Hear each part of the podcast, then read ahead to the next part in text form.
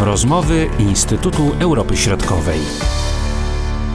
Marcin Superczyński przed mikrofonami, witam i zapraszam do wysłuchania kolejnego podcastu. Tym razem opowiadamy o Czechach. Ponowny wzrost zakażeń koronawirusem w tym państwie spowodował wprowadzenie stanu wyjątkowego. Pojawiły się nowe ograniczenia, które mają obniżyć zachorowalność. Dodatkowo pod koniec września doszło do zmiany na stanowisku ministra zdrowia. Co się zmieni w polityce zdrowotnej Czech, wyjaśnia dr Agata Tatarenko, kierownik zespołu Wyszehradzkiego Instytutu Europy Środkowej. Minister zdrowia Roman Promula, podobnie jak e, Andrzej Babisz, czyli premier Republiki Czeskiej, zapewniali, że e, przywrócenie stanu wyjątkowego nie będzie oznaczało zamknięcia granic czy y, ograniczenia ruchu, czego tak naprawdę wszyscy się obawiali, zarówno jakby w Czechach, ale także kraje sąsiadujące z Czechami. Natomiast ten stan wyjątkowy ma pozwolić rządowi ograniczenie gromadzenia się ludzi oraz lepiej zarządzać służbami sanitarnymi. I mm, na wniosek właśnie nowego ministra zdrowia, Romana Prymuli, wprowadzano, wprowadzono mm, także szereg e, dodatkowych obostrzeń, e, przy czym tutaj zaznaczono, że e, one przede wszystkim mają charakter ograniczenia spędzania czasu wolnego, że nie będą miały poważnych wpływów ani na ekonomię, ani na gospodarkę, e, ani też na sektor e, kultury, co ważne. I wprowadzono limity w liczbie osób e, mogących brać udział w wydarzeniach. Wewnątrz budynków będzie to maksymalnie 10 osób, na zewnątrz 20 osób i z takich sytuacji wyłączone są na przykład miejsca pracy, ale także kina i teatry. A jeśli chodzi o piwiarnie, to tutaj to, to samo będzie obowiązywało? Jakieś ograniczenia zostały wprowadzone? To jest ważne pytanie. Chodzenie do, do piwiarni, ich tych hospód jest bardzo ważnym elementem życia codziennego e, i tutaj ograniczono e, działalność restauracji, barów, a także innych obiektów gastronomicznych, które muszą być zamknięte między 22 a 6 rano. Takim dodatkowym obostrzeniem jest zasada, że przy jednym stoliku może e, siedzieć maksymalnie 6 osób, czyli w jakiś sposób ograniczono ten czeski styl życia, natomiast y, no, mo, mo, można dalej chodzić do piwiarni, do barów, tylko właśnie w określonych godzinach. A jeśli chodzi właśnie o gospodarkę, może rozwijmy ten temat, bo pamiętamy z pierwszego lockdownu, jak y, wyglądało właśnie to ograniczenie gospodarki. Jak to będzie wyglądało w tym nowym rozwiązaniu? No tutaj władze Czech dosyć wyraźnie podkreślają, że chodzi im o zachowanie równowagi pomiędzy ochroną e, zdrowia e, Czechów, a ochroną czeskiej gospodarki i w tym momencie nie przewiduje się zamknięcia ani sklepów, supermarketów, czy też innych punktów usługowych, jak chociażby słynne kwiaciarnie, więc w, w tym momencie raczej zakłada się właśnie pewne obostrzenia, wprowadza się pewne limity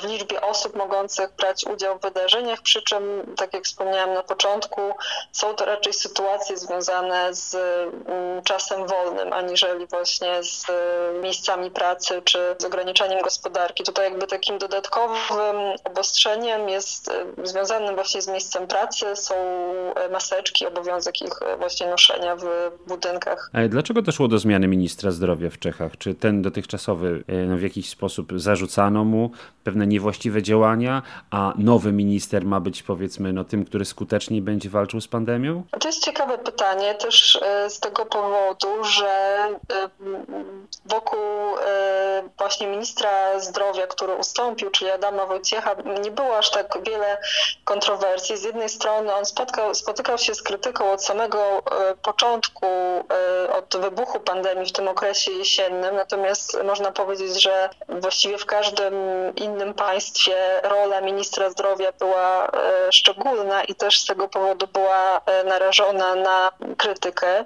Dodatkowym takim aspektem, właśnie mogłabym powiedzieć PR-owym, jest fakt, że właściwie od wybuchu e, pandemii to właśnie Andrzej Babisz próbował kreować się na takiego lidera, który walczy z zagrożeniem, więc tutaj rola Adama Wojciecha była wielokrotnie jakby krytykowana przez e, samego premiera Czech, który nawet powiedział, że Adam Wojciech był zbyt łagodny.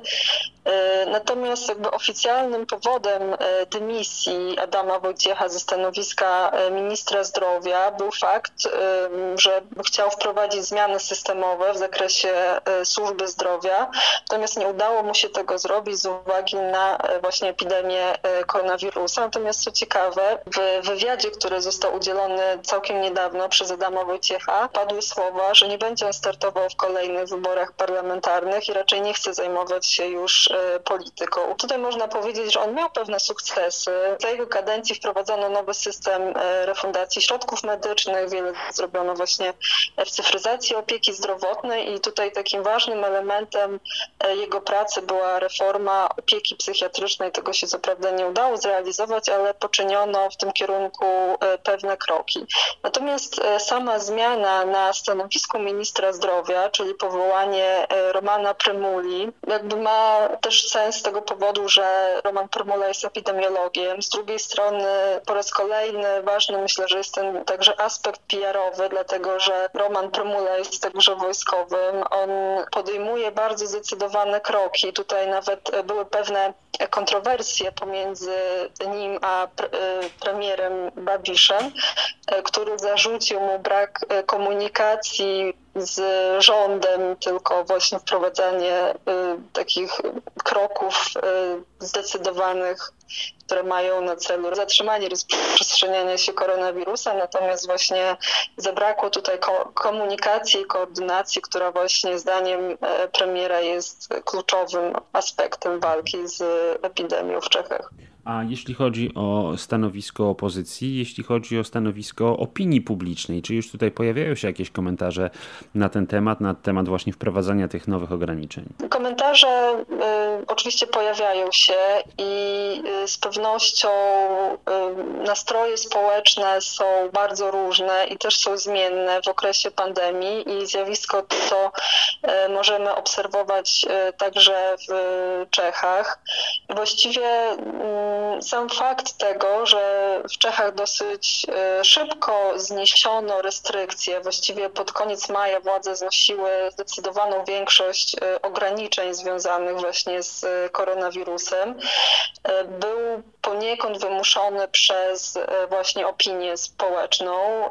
Tutaj można też dodać, że Czesi, zwłaszcza w tym pierwszym okresie, wczesnowiosennym, w marcu, w kwietniu, nawet może jeszcze na początku maja, byli bardzo zdyscyplinowanym społeczeństwem, natomiast e, później kwestia właśnie sceptycyzmu wobec koronawirusa coraz bardziej się rozwijała. No i też można powiedzieć, że właściwie w wakacje nastąpiło takie letnie rozluźnienie, o czym mówił sam premier Babiusz w swoim niedawnym wystąpieniu w czeskiej telewizji, w takim orędziu do, do narodu.